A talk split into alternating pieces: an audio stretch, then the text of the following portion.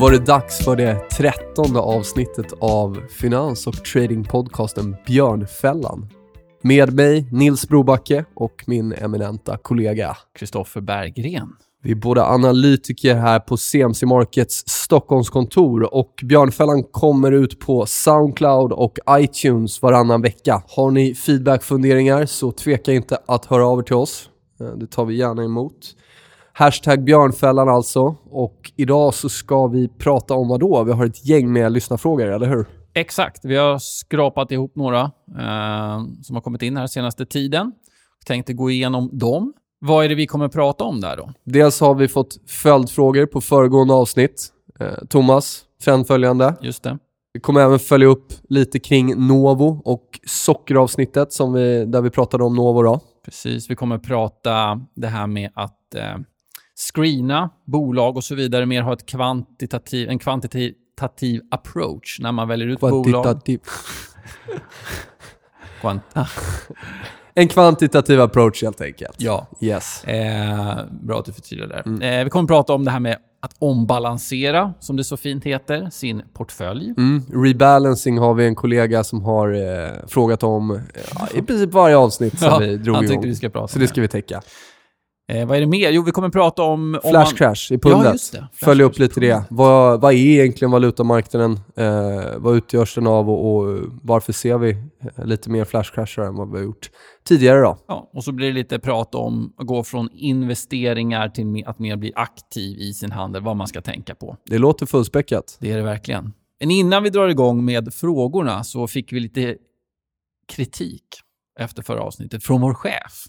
Eh, ja, vi jobbar ju på CMC Markets, men han sa ni nämner ju knappt att ni jobbar på CMC Markets. Det är ju CMC Markets podcast det här. Så att vi ska väl eh, försöka tillfredsställa hans behov när det gäller att göra reklam för CMC. Så jag, jag tänkte jag börjar med att nämna Ja. dels vad CMC står för. Det står för Currency Management Corporation. Vi grundades för över 25 år sedan i, i London. Vi börsnoterade i London. Det svenska kontoret där du och jag jobbar öppnade Just det. 2007. Eh, ja, vi har, jag tror att det är 15 kontor runt om i världen. Eh, har vi något annat vi vill tillägga där? Kanske lite vad vi erbjuder. Mm, absolut. Nej, men om vi ska ta bara relatera det till förra avsnittet då. Eh, så eh, till exempel om man är intresserad av trendföljande strategier och framförallt på lite kortare sikt så har vi ju dels hela utbudet. En förutsättning för att handla trendföljande är ju att vi har flera pristillgångar att analysera och, och fånga en bra trend i. Ja, de är väl 10 000 till antalet. Ja, till och med. 10 000. Så det finns lite att kolla på. Eh, prissättning, jätteviktigt. Hur billigt är det att handla? Och vi är väldigt, väldigt billiga på väldigt många av våra produkter. Då. Hävstången, eh, väldigt användbar när det gäller just en trendföljande strategi. Vi kan få en exponering med lite mindre kapital i väldigt många pristillgångar och framförallt så kan vi skala upp och öka positionsstorlekarna om det går eh, åt rätt väg. Då. Mm.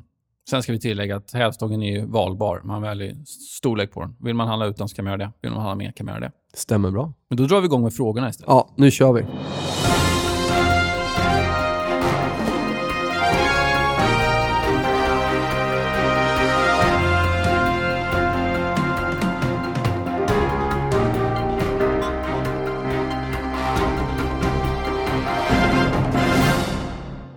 Då drar vi igång med eh, fråga nummer ett. Den lyder så här. I förra avsnittet nämnde Thomas, det var då vi intervjuade Thomas Stridsman, ja, att trendföljande är det enda som fungerar över tid. Missade han alla framgångsrika aktiefonder? Det var slut på frågan där. Är det alla aktivt förvaltade indexfonder de menar då? Nej, jag skojar. Nej, men det, Nej, men det vi- finns väl eh, Det finns massa duktiga Ja. förva- fundamentala förvaltare som har haft ett, ett fantastiskt resultat över tid. Eh, den frå- det svaret vi fick från Thomas där, och det får man väl, eh, ja, man får väl ta det lite, lite för vad det är.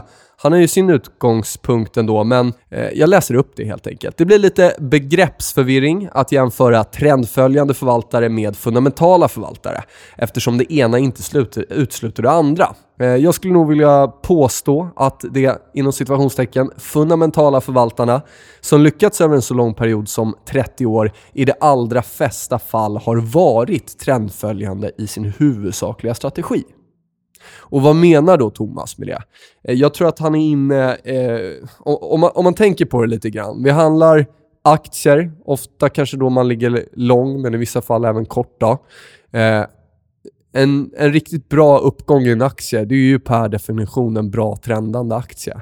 Så han är ju inne såklart på att hitta vinnare och våga ligga i dem och, och försöka få ut maximalt av de rörelserna. Så man kan ju absolut dra en direkt eh, parallell till trendföljande när det gäller aktieförvaltning. Däremot är det ju kanske lite annorlunda sätt att få triggersignalen. Ja, urvalet skiljer sig markant.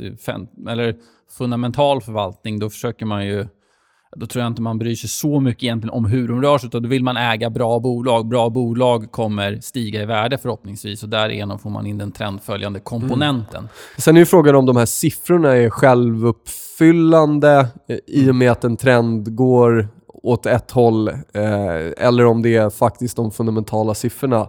Jag förstår parallellen där eh, fortfarande, men mm. eh, eh jag tror som du säger, det handlar mycket om hur, vi, hur man i så fall väljer ut eh, pristillgångar man handlar, i det här fallet aktie. Mm. Och sen så tror jag kanske då att eh, det här med riskkontroll och positionshantering däremot kan ju likna ganska mycket en trendföljande strategi. Absolut.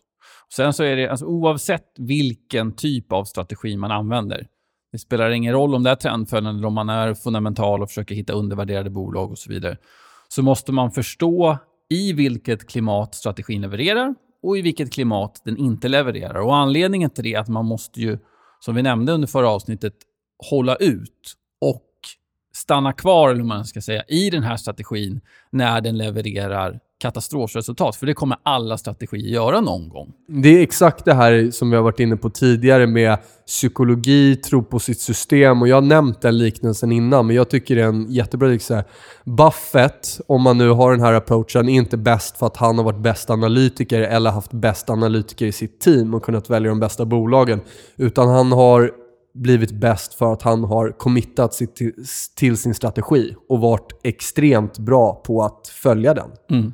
Uh, jag vet att du hade kollat på Berkshire Hathaway. Då. Ja, precis. Alltså, från det att de startade, det bolaget, så har, om man kollar, eh, det här var vecko, dagsbasis, månads, kvartal, sex månader och så vidare, så har Berkshire underpresterat S&P mer än hälften av tiden från start.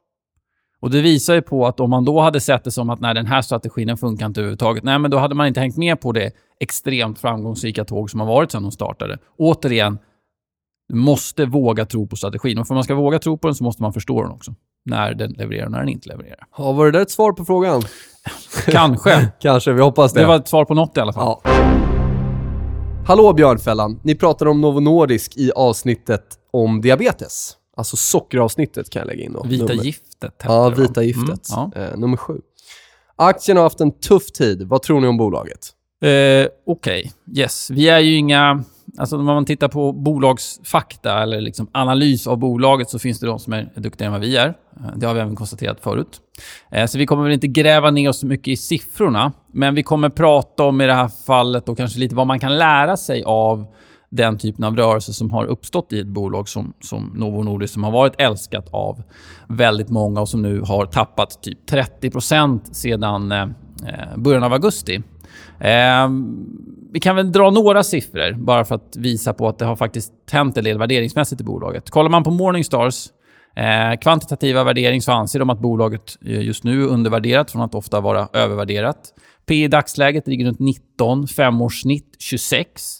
Kollar man på framtida PE, alltså om man tittar på förväntningarna kring bolaget, så ligger det runt 16. Så visst, gör man en, en jämförelsevärdering på det sättet så ser ju bolaget undervärderat ut. Sen beror det på vad man kan leverera för siffror eh, framgent. Det som är viktigt att tänka på här initialt sett, det är ju varför går jag in i den här aktien. Precis som vi pratade om att man ska förstå sin strategi så måste man också förstå varför man köper en aktie. Sen om den heter Novo eller vad det nu heter spelar ingen roll. För att om jag inte vet det, ja men då är det ju jättesvårt för mig att agera på ett rationellt sätt när det, när det går eh, tungt för bolag som det har gjort nu. När, det när, när du säger 30%. varför, då menar du typ, äger jag bolaget på lång sikt för att jag tror på bolaget? Ja. Är köpsugen här för att tekniskt sett så ser det ut som att vi ska ha en större swing upp mot 290-300 kronor? Eh, ska jag in och skalpa för att jag bara tror att det här är en viktig signifikant nivå under dagen som Ja. köpare och säljare kommer och jag ska plocka en halv krona. Precis. Alltså va- va- var är vi? Och självklart så blir då positionshanteringen och riskkontrollen i samband med det här eh, jätteviktig. Eh, och är det så att jag tror på bolaget nu som en... eh, För att diabetes kommer öka väldigt kraftigt, vi säger kommande 15 åren, och de är stora inom det området, ja, men då kanske inte den här rörelsen på nedsidan gör så mycket. Det är tråkigt att den har tappat extremt mycket, men det är snarare kanske är ett köpläge. Men då måste jag ju tro på det på lång sikt också. Och sen så är det ju så att vi har inga garantier. Nej, där tycker jag det är viktigt. Visst, man kan tro, men sen måste man också även på lång sikt eh, våga göra en analys och sen om den fallerar, våga ta en stopploss även på lång sikt. Absolut. Och det finns ju en anledning till att den har gått ner. Det har varit eh, eh, ja, men lite sämre marginal på den stora amerikanska marknaden och så vidare. Så det är inte taget i luften att den har kommit ner. Eh, och det viktiga då, är jag fundamental och jag tror på det på lång sikt, så måste jag ändå ha en kudde på nedsidan om det skulle fortsätta åt fel håll. Och jag måste vara diversifierad. Alltså jag måste äga flera bolag. Jag kan inte gå all in i Novo bara för att det har tappat 30% och alla älskar bolaget. Eller älskade i alla fall. Jag vill följa upp de tekniska nivåerna som jag nämnde i avsnitt 9. Vi handlades då den 15 april till lite drygt 360 kronor. Då. Eh, och vi nämnde att eh, om vi fortsatte uppåt då, så hade vi intressanta nivåer lite högre upp, men vi hade ändå sjunkande bottnar. Eh, och vi var uppe på 370 ett par gånger, men vi bröt sen 360 och vi fick det här testet, eller eventuella testet som vi hade pratat om. Vi hade identifierat en större uppåtgående trendlinje kring lite drygt 330 kronor. Eh, Mm. Nu sköt vi över det och bottnade ur på 320 precis efter Brexit. Det jag tycker att man ska ha med sig där, det är väl framförallt när man har gjort en sån analys och så tar vi exempel en kraftig volatilitet som kommer in där runt Brexit. När då köpare kommer in på en nivå, eller ungefär på en nivå man har identifierat som signifikant, Mm. då säger det oss något. Mm. Eh, sen fick vi en, en hård, eh, rak uppgång till eh, 380 spänn, alltså övre delen av den här trendkanalen. Och sen började nedgången igen då. När vi sen kom ner till 330-320 lite drygt, då var köpare och säljare återigen intresserade. Den gången så gick vi igenom på nedsidan och på samma sätt som att en nivå som man har identifierat som signifikant, om köpare kommer in ska man ta som en köpsignal, så ska man på samma sätt ta en signifikant nivå där säljare kommer in som en säljsignal. Då. Så att inte att de här nivåerna är självuppfyllande i sig, men att vi ska tolka hur köpare och säljare agerar vid de här viktiga nivåerna. Precis. Nu rent, eh, om vi tittar, eh, ja, sen tryckte vi även eh, då 300 på nedsidan som var en, i alla fall en, en viktig jämn nivå. Då. Eh, och i dagsläget så har vi konsoliderat mellan 260 270 Eh, Jag tycker mig se att vi har brutit den första nedåtgående trendlinjen. Kan det hålla ihop här kring 270 så borde vi enligt teknisk analys testa 300 lite drygt i första hand. Bryter vi där, då finns det potentiell uppgång till 320 som jag ser på sikt. Och vad kan man då ta med sig av Eh, det här med att vi har olika nivåer och så vidare? Jag tycker inte... Många brukar vilja liksom särskilja på fundamental och teknisk analys. Visst, det är två analysmetoder, men det finns inget som säger att man inte kan kom- kombinera dem. Tror jag på Novo på lång sikt? Ja, men då kan jag identifiera långsiktigt intressanta tekniska nivåer och välja att gå in i dem om de nu håller. Mm, Eller välja att skala ner om de fallerar. Ja, men var fundamental i din eh, urval då, om man nu vill det. Jag är inte det, men var det. Men använd det tekniska, i alla fall eh, och identifiera viktiga nivåer i marknaden för att få den här timing-effekten då. Precis. Nästa lyssnarfråga handlar om den lilla flash-crashen som vi hade här i pundet för, Mm. för eh, vad var det, förra Mm, veckan? va? förra veckan, Föregående ja. vecka. För någon vecka sedan inträffade en flash-crash i pundet. Varför gjorde det det? Kommer den här typen av händelser bli vanligare? Precis. 10 000 kronors frågan. Varför gjorde den det? Den är, har ju spekulerats kring. Eh, men det finns ju vissa grejer som man kan ta med sig från det här. Dels så är det ju... Tittar man på pundet på grund av Brexit och så vidare så har det varit väldigt mycket kort volym i pundrelaterade valutapar. Eh, sen så är det så här också att det har skett en del regleringar på, på valutamarknaden som har gjort att den manuella handeln, och det gäller inte bara valutamarknaden, men även andra marknader, men den manuella handeln finns inte kvar på samma sätt som den gjorde tidigare. Eh, det kan man ju se lite som att en del av det mänskliga förnuftet i marknaden har fått flytta lite på sig till, till förmån då för eh, mer automatiserade system, algoritmhandel och så vidare som kanske driver på den här typen av, av rörelser när väl bollen, eh, eller snöbollen börjar rulla åt något håll. Eh, jag kollade lite på hur det såg ut med, om man tittar på korta positioner, alltså de som spekulerade i en försvagning av pundet mot långa positioner, de som spekulerar i en förstärkning. Om man tittar på hur det såg ut eh, i slutet av augusti, Mm. vi tittar på andelen korta volymer i marknaden på, eh, relaterade till pund och hur det såg ut innan omröstningen för att vara kvar i EU, så är den obalansen på den största nivån på över 10 år till förmån då för, för de korta positionerna. Det visar att intresset för en försvagad, i alla fall då, försvagat pund var väldigt stort. Det var många som hade exponerat sig åt det hållet. Ja, det finns ju många förklaringsmodeller alltid så här i efterhand när en stor rörelse har skett. Jag tycker det är intressant. Jag blev kontaktad av Finwire i och med den här eh, pundsmällen. Nyhetsbyrån Finwire. De ville att jag skulle kommentera lite där då. Yes, vad händer då? Många börjar direkt prata om fatfinger av en algohandlare och det är det som har gjort det här. Och, Eller de här olika förklaringsmodellerna som du började komma in där på. eh, och för mig så är det lättare att bara försöka vara pragmatisk, kolla på priset eh, och ja, hitta en lite enklare förklaringsmodell Mm. helt enkelt. Självklart så är det båda algohandlare och det här står i den här lilla eh, nyhetsflashen jag skickade till Finwire, så ni kan gå in och läsa den efter om ni är intresserade. Men jag sammanfattar. Eh, självklart är det både algohandlare eh, och de står ju för merparten av all handel i alla likvida tillgångar, så självklart har de varit inblandade här också. Men även mänskliga handlare som har deltagit i kursrörelsen. Att tro att det är enbart en algo som har orsakat en så bred och kraftig rörelse, det är osannolikt enligt mig. Tekniskt sett så låg pund-dollar på ett signifikant stödmotstånd, eh, vilket med all säkerhet både bevakades av köpare och säljare. En stor rörelse eh, kan ofta härledas till att majoriteten på marknaden trodde på en vändning, i alla fall i det korta. Sen när de här kortsiktiga traderna tvingas ta stopploss och kan, kanske framförallt margin-callade då, då, så driver ju det på rörelsen åt det andra hållet.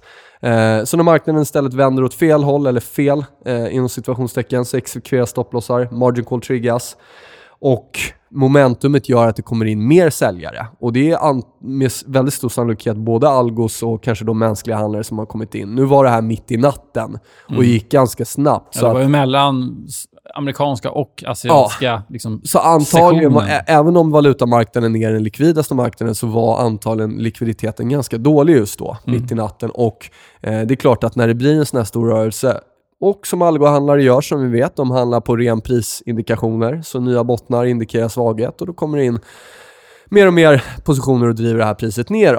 Mm. Eh, om man ska sammanfatta då, så tycker jag rent tekniskt Eh, att, att vi ska kunna konkurrera på en så kortsiktig rörelse, det tror jag är helt omöjligt för det första. Om vi Mm. inte har snabba algos som är med och agerar. Det är väl mer tur om man hamnar rätt. Ja, ja. Däremot så tycker jag att de här situationerna är jätteintressanta i den mån att det ger mig en karta, en, eh, eh, ja, en, en karta över vilka signifikanta nivåer i marknaden som köpare och säljare tittar på. För har vi så stor rörelse, då kommer de nivåerna som sen försvaras åt båda hållen vara signifikanta en tid framöver. Eh, så det ger oss en spelplan då. Eh, det jag skrev i analysen var just att eh, det finns sannolikhet för att vi kommer ner och testar runt den här 1-2 nivån igen. Vi kom tillbaka ganska starkt initialt. Vi gjorde nya, inte nya bottnar, men vi gjorde en lite, hö, lite högre low. Och i dagsläget så försvarar vi just den här en, eh, mellan 1,22 och 1,23 nivån då. Eh, Så kan du fortsätta försvara där, bilda botten, då ser jag en potentiell uppgång till 1,26 enligt teknisk analys. Kontentan här är väl i alla fall att vi ska ta med oss att flash crash det sker i alla pristillgångar. Jag tycker att det har börjat ske mer i valuta, index, råvaror och ränta än Mm. tidiga år när jag var involverad i marknaden. Jag tycker inte vi behöver dra för mycket domedagsscenarion av det, utan det är bara så det är. Eh, och Det kan ju självklart ha med att göra att algohandeln i de pristillgångarna ökat också. Mm. Eh, men eh, ja, vi, vi kan fortfarande tjäna pengar, kanske framförallt efter de rörelserna, med, med givet den ja, givet de sakerna jag sa, där, just att det målar ut en, en bra eh, karta på vilka nivåer som är viktiga i marknaden. Du nämnde det där tidigare med att det var lite dålig volym mitt i natten där. Eh, det som är lite intressant med just valutamarknaden som anses vara, det är ju fortfarande världens mest likvida marknad, men tittar man sedan 2001 fram tillbaks, fram idag, så har det ökat, volymen har ökat varje år. Men under 2016 så är det första gången sedan 2001 som volymerna på valutamarknaden har gått ner.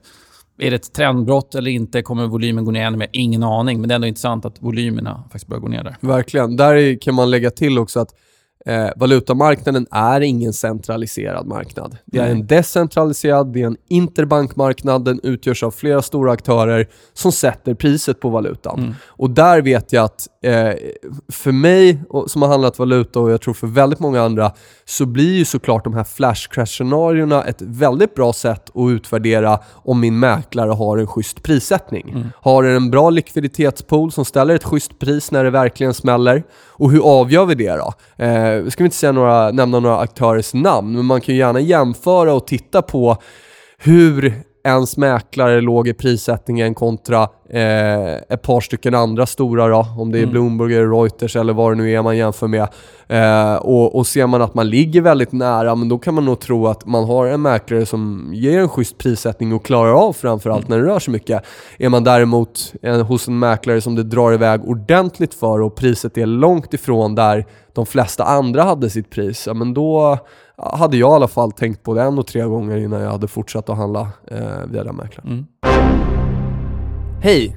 Det här med att skrina fram aktier och investera i dessa utan att göra någon djupare analys. Punkt. Ni verkar vara lite mer kvantitativa i er tänk. Vad har ni för syn på detta? Ja, okej, okay, det var lite konstigt formulerat, men i alla fall, frågan. skrina fram aktier eh, och eh, strunta i det fundamentala. Eh, Behöver det egentligen vara en motsägelse? Jag vet inte. Nej, alltså det, här handlar det ju mer om att gå på givna parametrar och så gör man en körning i någon databas som man har och så får man fram en, en träfflista på de bolagen som uppfyller de här kriterierna. Sen gör man inte så mycket djupare analys av själva bolaget. Eh, det alltså, tror... ja, det beror väl på vad man screenar på. Jag vet inte om frågan är hur man kan screena eller för det finns ju olika sätt att screena. Ja, Man skulle ju till jag... exempel kunna screena på fundamentala värden, mm. eh, vad det nu är. Då. Jag misstänker att det är åt det fundamentala ja, hållet. Men ja. vi, vi, kan ju även ta den tekniska biten också. Som jag skulle screenat, eller som jag screenar idag, och inte bara aktier utan alla pristillgångar, men det är att jag vill ha en bevakningslista med eh, aktier eller andra pristillgångar jag följer. Eh, jag vill identifiera viktiga tekniska nivåer i marknaden. Jag vill placera ut prislarm kring de här extremvärdena, viktiga nivåerna. Eh, och sen när de extremvärdena uppnås, som är oftast ganska mycket snabbare än vad man har trott när man har gjort analysen, så, så kan jag agera. Mm. Och där handlar det egentligen inte om att sitta och in och analysera varje dag. Det behövs egentligen inte om man ska titta på lite längre sikt än den här kortsiktiga daytradingen. Utan det kanske räcker med att bara kolla stängningskurser eller till och med veckokurser i vissa fall. Så jätteenkelt, skapa en bevakningslista, välj produkterna du vill följa, måla, gör analysen, placera ut prislarm och vänta på signalen. Mm. Frågor på det? Nej, det var ganska tydligt. det är ett sätt och det är mitt sätt. Sen kan eh, det är, men det är ju mer åt det ja. tekniska hållet. Och där, eh, Sen kan man ju såklart, eh, förlåt att jag avbryter, man kan såklart screena på indikator också. Man, det kanske är ett indikatorvärde man tittar ja. på. Det kanske inte är en, en prisnivå i, i, marknaden. Eller en formation eller vad det nu kan mm. vara. Om jag ska ta på mig den, den andra hatten, och den fundamentala hatten som jag tror att frågan är ställd kring, eh, så...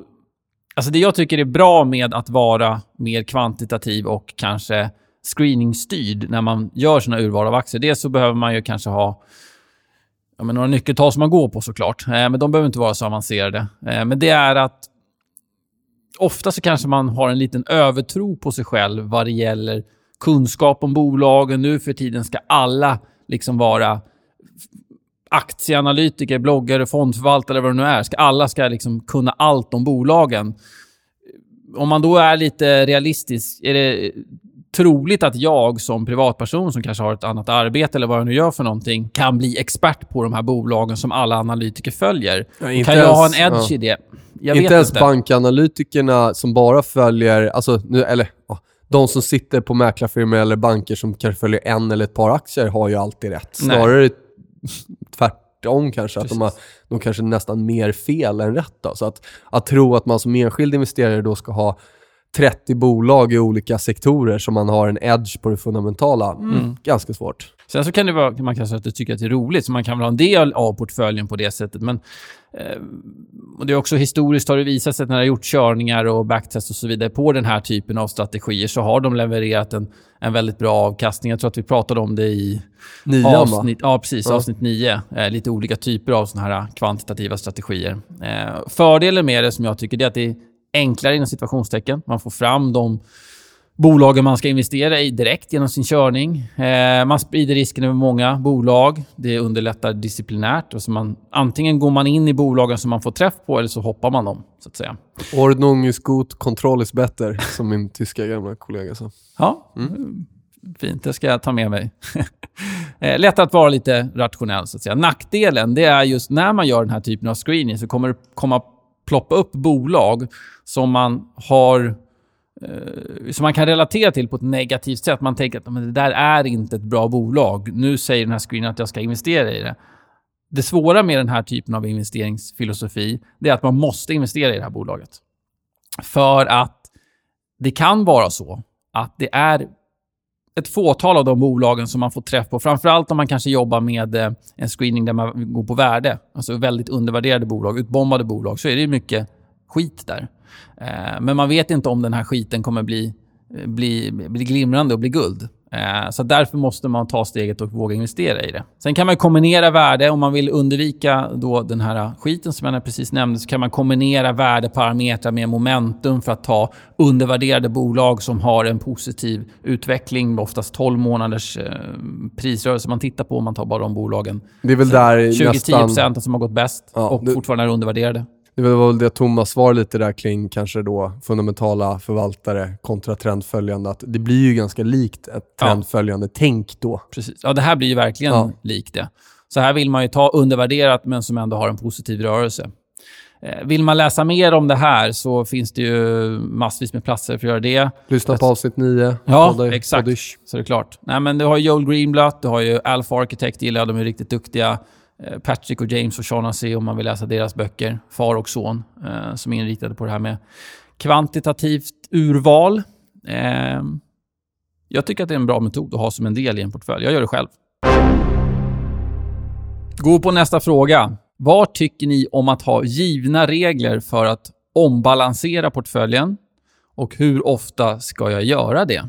Om man då ser att man har ja, men en, en portfölj, vi säger att det är indexfonder eller vad det är, och man även har en räntedel så att man inte är fullinvesterad i aktier hela tiden, så är det ju inte helt ovanligt att man har regler som säger att ja, men jag har 70% exponering mot aktiesidan och jag har 30% mot räntesidan som ett exempel. Är det då så att aktieinvesteringarna går upp väldigt kraftigt så att jag, men vi säger att jag har endast till 80-20, ja men då är det inte helt ovanligt att man har en antingen gräns på 5-10% där får man en skevhet åt 5 eller 10% så väljer man att göra en ombalansering. Då, vilket i realiteten betyder här att man säljer av antingen aktiedelen för att investera i räntedelen, dra ner den ena och dra upp den andra. Alternativt investera då eh, cash i räntedelen för att få upp liksom den totala procentuella andelen av eh, portföljen som ligger i räntor. Och det är ju, att ha lite cash på sidan ska man ju säga också. Det är ju, lite krigskassa är faktiskt bra att ha oavsett strategitänk. Och fördelen här, det här är ju ett sätt att sätta upp givna regler för när man ska gå in och köpa och när man kanske ska sälja av. Fördelen blir att jag tvingar mig själv, om jag nu följer den här eh, allokeringen, att köpa till exempel när aktier har kraschat. Alltså när det vi är inne i en kraftig bear market så tvingar jag mig själv att köpa för att hela tiden hålla balansen i portföljen.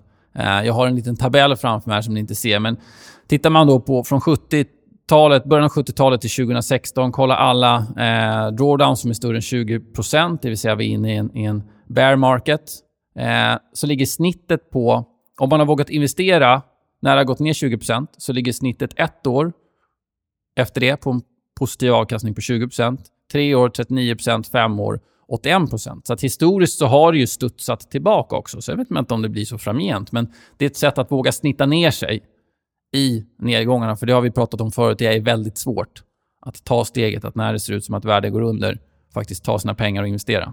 Men samtidigt får man vara med när botten kommer, eller positionshanteringsmodellen gör att du de facto eh, börjar köpa då, då när Ja. styrka kommer in. Sen kan det vara att man köper på vägen ner. Det tar ett, två år.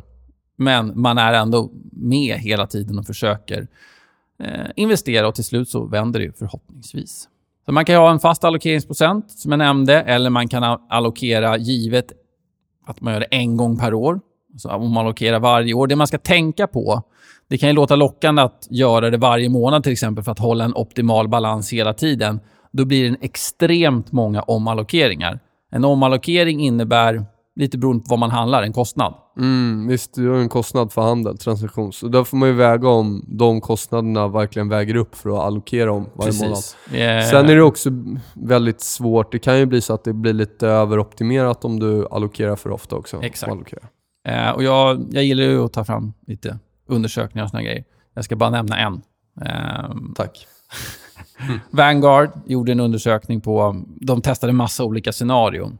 Summa summarum, det man kom fram till var att det är viktigare att göra ombalanseringen en gång per år cirkus än att, att inte göra den eller att försöka överoptimera. Det är inte det som är grejen. Det man behöver göra är att ombalansera för att undvika att bli exponerad mot bubblor och så vidare. Men sen detaljstyra det, det behöver man inte göra. Hej Kristoffer och Nils. Hej eh, lyssnare. Eh, Eh, investerar i aktier idag men är intresserad av att bli mer aktiv. Tänkte positioner på någon veckas sikt. Vad ska jag tänka på? Hälsningar Peter. Right. Eh, ja, det finns ju vissa, vad ska vi säga, givna regler, eller hur man ska uttrycka det. Eh, antaganden när det gäller just aktiv handel, vad som är viktigt att tänka på, eh, framförallt då i relation till investeringar. Det första är positionshantering. Mm, vi har varit inne på det massa gånger. Ja. Eh, Vi nämnde det här avsnittet med massa andra. Och återigen där, vilken distans är det jag kollar på? Jag måste anpassa positionsstorleken till Mm. eh, den tidshorisonten jag planerar att trada. Då. Och den blir ju mycket viktigare, men det är mindre förlåtande med att vara lite mer aktiv i sin handel. Än Absolut. att köpa en aktie och säga till sig själv, den här kan jag ha i 15 år. Och ska vi swinga på någon veckas sikt, ja, men då är ju riskkontrollen och positionshanteringen egentligen A och O. Mm. Eh, för du kan absolut hitta fina svängar på den eh, tidshorisonten. Eh, men då måste man ha tight riskkontroll och man måste börja, ofta kanske börja lite mindre då. Mm. För timingen blir ju den största utmaningen skulle jag säga Mm. i de fallen.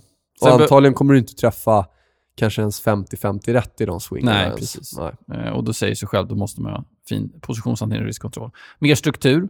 Eh, och framförallt kanske att man är man har tydliga regler för när man går in i position och när man går ur position för att bli disciplinerad och inte tveka och inte chansa och så vidare. För att då, som du säger, om man inte har 50% träffsäkerhet, ja men då, då ska man inte tveka. Man ska veta, nu går jag in och så nu går jag ur. Och där tror jag att man behöver ju inte kvantifiera det för mycket från början. Vi behöver inte göra ett, ett gigantiskt Excel-ark för regler för entry, exit, stop loss, take profit, glidande med, ah, stoppar eller vad det nu är. Då. Mm. Utan man kan ju faktiskt börja ganska, eh, vad säger man, elementärt och egentligen bara hitta bra trades med potentiellt bra risk-reward. Mm. Alltså det, det, det, är liksom, det är där det börjar någonstans. Sen okej, var sätter vi stoppen? Jag tycker man ska börja och eh, hitta i grafen var vi ska sätta stoppen. Sen kanske då dra, eh, utöka den lite. För ofta där vi tittar är ofta ett extremvärde och då kommer marknaden gå dit och vända och det kommer Mm. vara irriterande. Därefter välja positionsstorlek. Mm. Och därför också den monetära stoppen. Så att börja med det här, och det har vi pratat om innan också, marknadsrelaterade stoppar. Att man börjar i den änden och inte börjar med jag vill förlora max x kronor eller jag vill ha en positionsstorlek på x. Ja, 100 000 eller vad det nu är. Och det tänket tror jag, kommer man från aktieinvesteringar så tror jag att det tänket finns inte från början att jag vill maximalt förlora så här mycket på min position. Utan då tänker Mm. man ju att på lång sikt stiger Ja, alltid börsen. Och inte, och inte ens jag vill maximalt förlora så här mycket utan att man även börjar där hit, om vi kommer hit, då tror jag inte på den här swingen nu då, i det här Precis. fallet. Så att man börjar med det och inte börjar med ett monetär eh, belopp, för då kommer man väldigt, väldigt ofta hamna eh, perfekt där eh, marknaden Där vänder. Ja, exakt.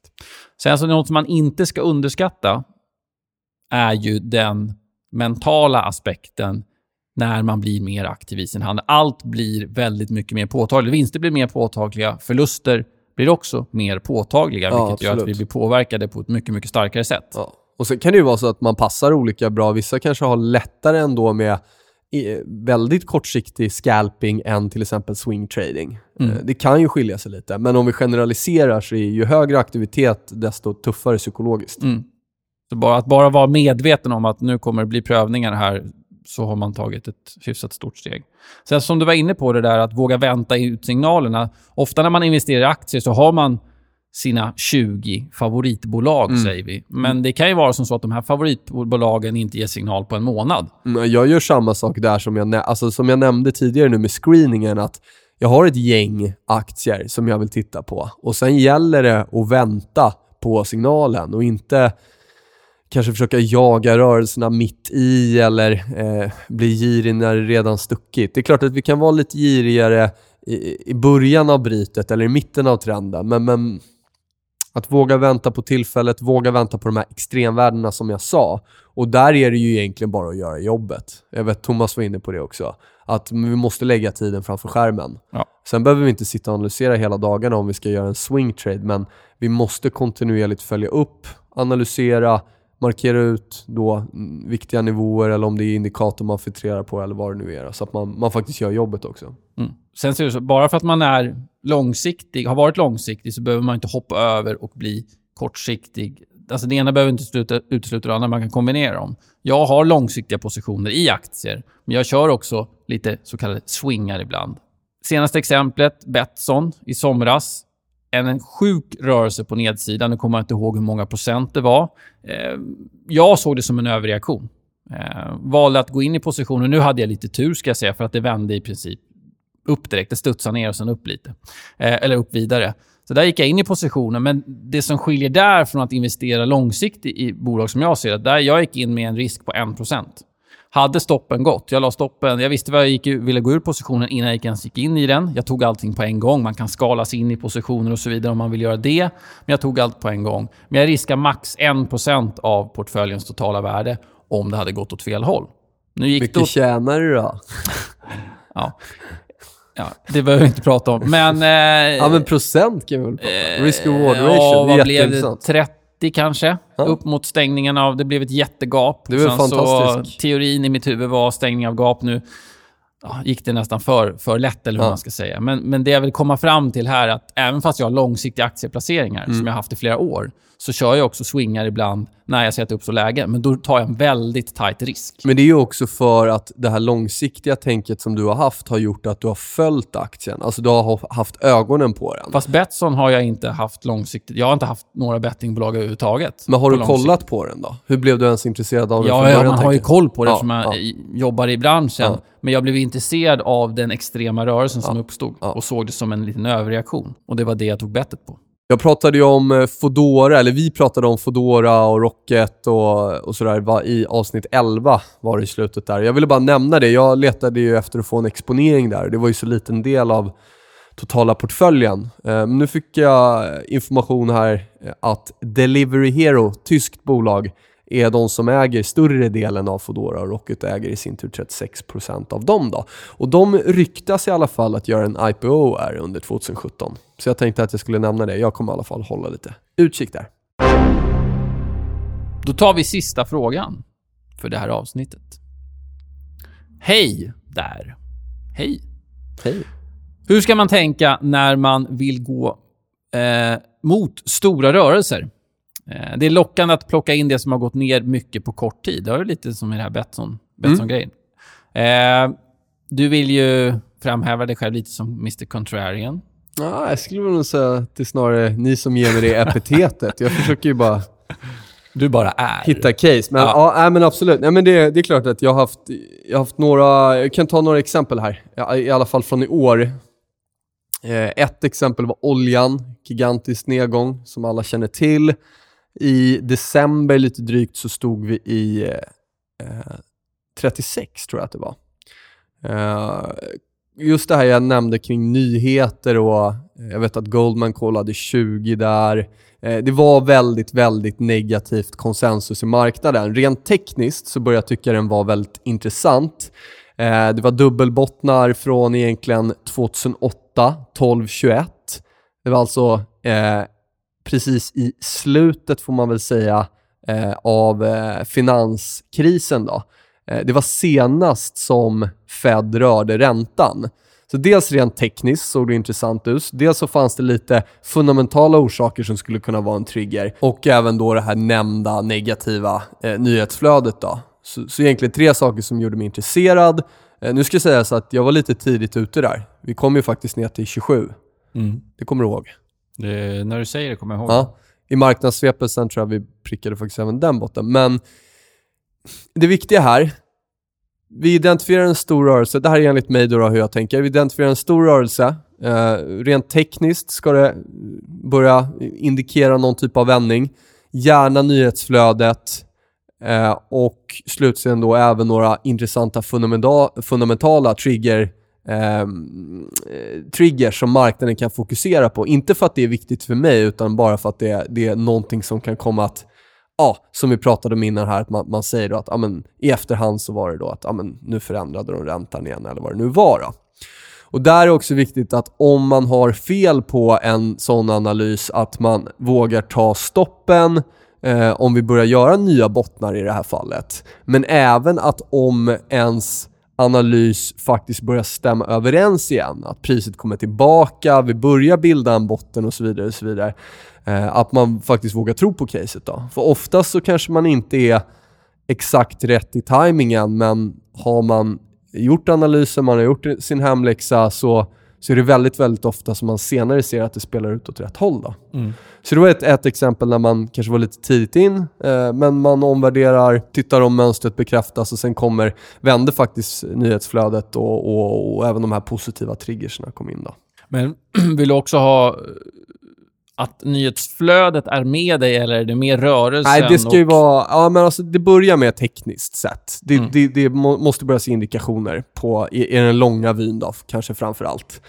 Och sen får man väl zooma in lite mer timingmässigt. Sen så vill jag gärna ha att det är väldigt, om vi nu satsar på att gå lång i någonting, då vill jag att det ska vara väldigt, väldigt negativt ute, flödet. Jag vill att alla, alla ska prata om de här negativa nyheterna och, och nya säljrekar ska stå som spön i backen, som det var i det här fallet. Mm. Uh, och sen så, uh, så är det då viktigt att i det korta också att den här vändningen börjar bekräftas. Då. Mm. Gör vi nya bottnar, då håller jag mig borta, men börjar det tekniska stämma överens igen uh, och att vi försvarar nivåer så, så och sen så ofta den här då kanske att sen när det väl vänder så kommer det förklaringsmodeller i efterhand som är positiva triggers och mm. vad det nu kan vara. Eh, jag tycker det är viktigt när det är just stora rörelser. Ja. Man får se det lite som en, om man ska vara pedagogisk här, en, typ, en bil som är i rörelse. För att den här bilen ska börja vända åt andra hållet så måste den ju bromsas in. Ja. Det är väldigt sällan man får liksom en V-formation i grafen, att det går ner och så studsar det rakt upp. Därför är det jag tycker en bra metod är att, som jag nämnde tidigare, skala in sig i positionen. För att man vet inte när det väl vänder. Och att börja och sen så jobbar man sig inåt när man har fått en bekräftelse att nu har det vänt. Ja, men då kanske man tar sista delen i den här positionen. Mm. Och, och, där är det också viktigt att göra hemläxan och göra analysen. Mm. Ett annat exempel var inför Brexit. Eh, återigen Finwire som bad en kommentar. Jag nämnde att vi hade, haft en, vi hade haft en väldigt stark marknad där precis innan. Vi handlades upp från som enligt mig var väldigt viktiga tekniska nivåer, 9500 på DAX och eh, lite drygt 1300 på OMX. Då. Eh, så det kom nästan, det var nästan som att vi, pris, eller vi pris, marknaden prisade in ett positivt, eh, alltså inte en Brexit. Mm. Så hela risken låg på, om vi säger nedsidan. När då det här negativa beskedet kommer ut, och återigen om vi drar det här med tekniskt sett väldigt överköpt, vi hade konsensus, allt var positivt precis innan och sen så kommer triggern att det faktiskt blir negativt och då kraschar marknaden totalt. Det som är intressant där, om man har gjort analysen och återigen, nu kom priset ner till de här viktiga signifikanta nivåerna som vi hade analyserat bara några veckor innan. Och det jag tycker är viktigt att hålla då också att där kom köpare in. Mm. Det kan vara jäkligt svårt i en sån stökig situation att vara kall och göra analysen och inte känna den här stressen. Men har man gjort den innan, man zoomar ut, man tittar på nivåer som man har identifierat och faktiskt ser att köpare då kanske bekräftar de nivåerna man har tittat på. Ja, men då är det mycket lättare att ställa på någonting. Mm. Eh, Och sen fick vi faktiskt en o- Ja, ordentlig alltså, uppgång efter Brexit. upp. så att- ja.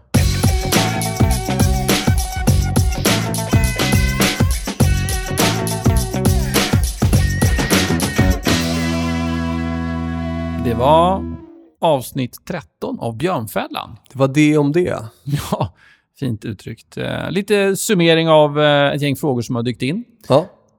Framtida frågor, ställ dem. Hashtag Björnfällan på Twitter, alternativ skicka ett mejl till kundservice.cmcmarkets.se. Det är dit de flesta frågorna brukar komma in faktiskt. Jag kör en utbildning imorgon. Tors det. Ja, just. Nu släpps den här podden på, eh, på fredag, så det kommer ändå efter. Om vi säger så här, jag kommer köra en utbildning eh, torsdag kväll i short term trend following, alltså lite relaterat till det som, som Thomas pratade om här sist.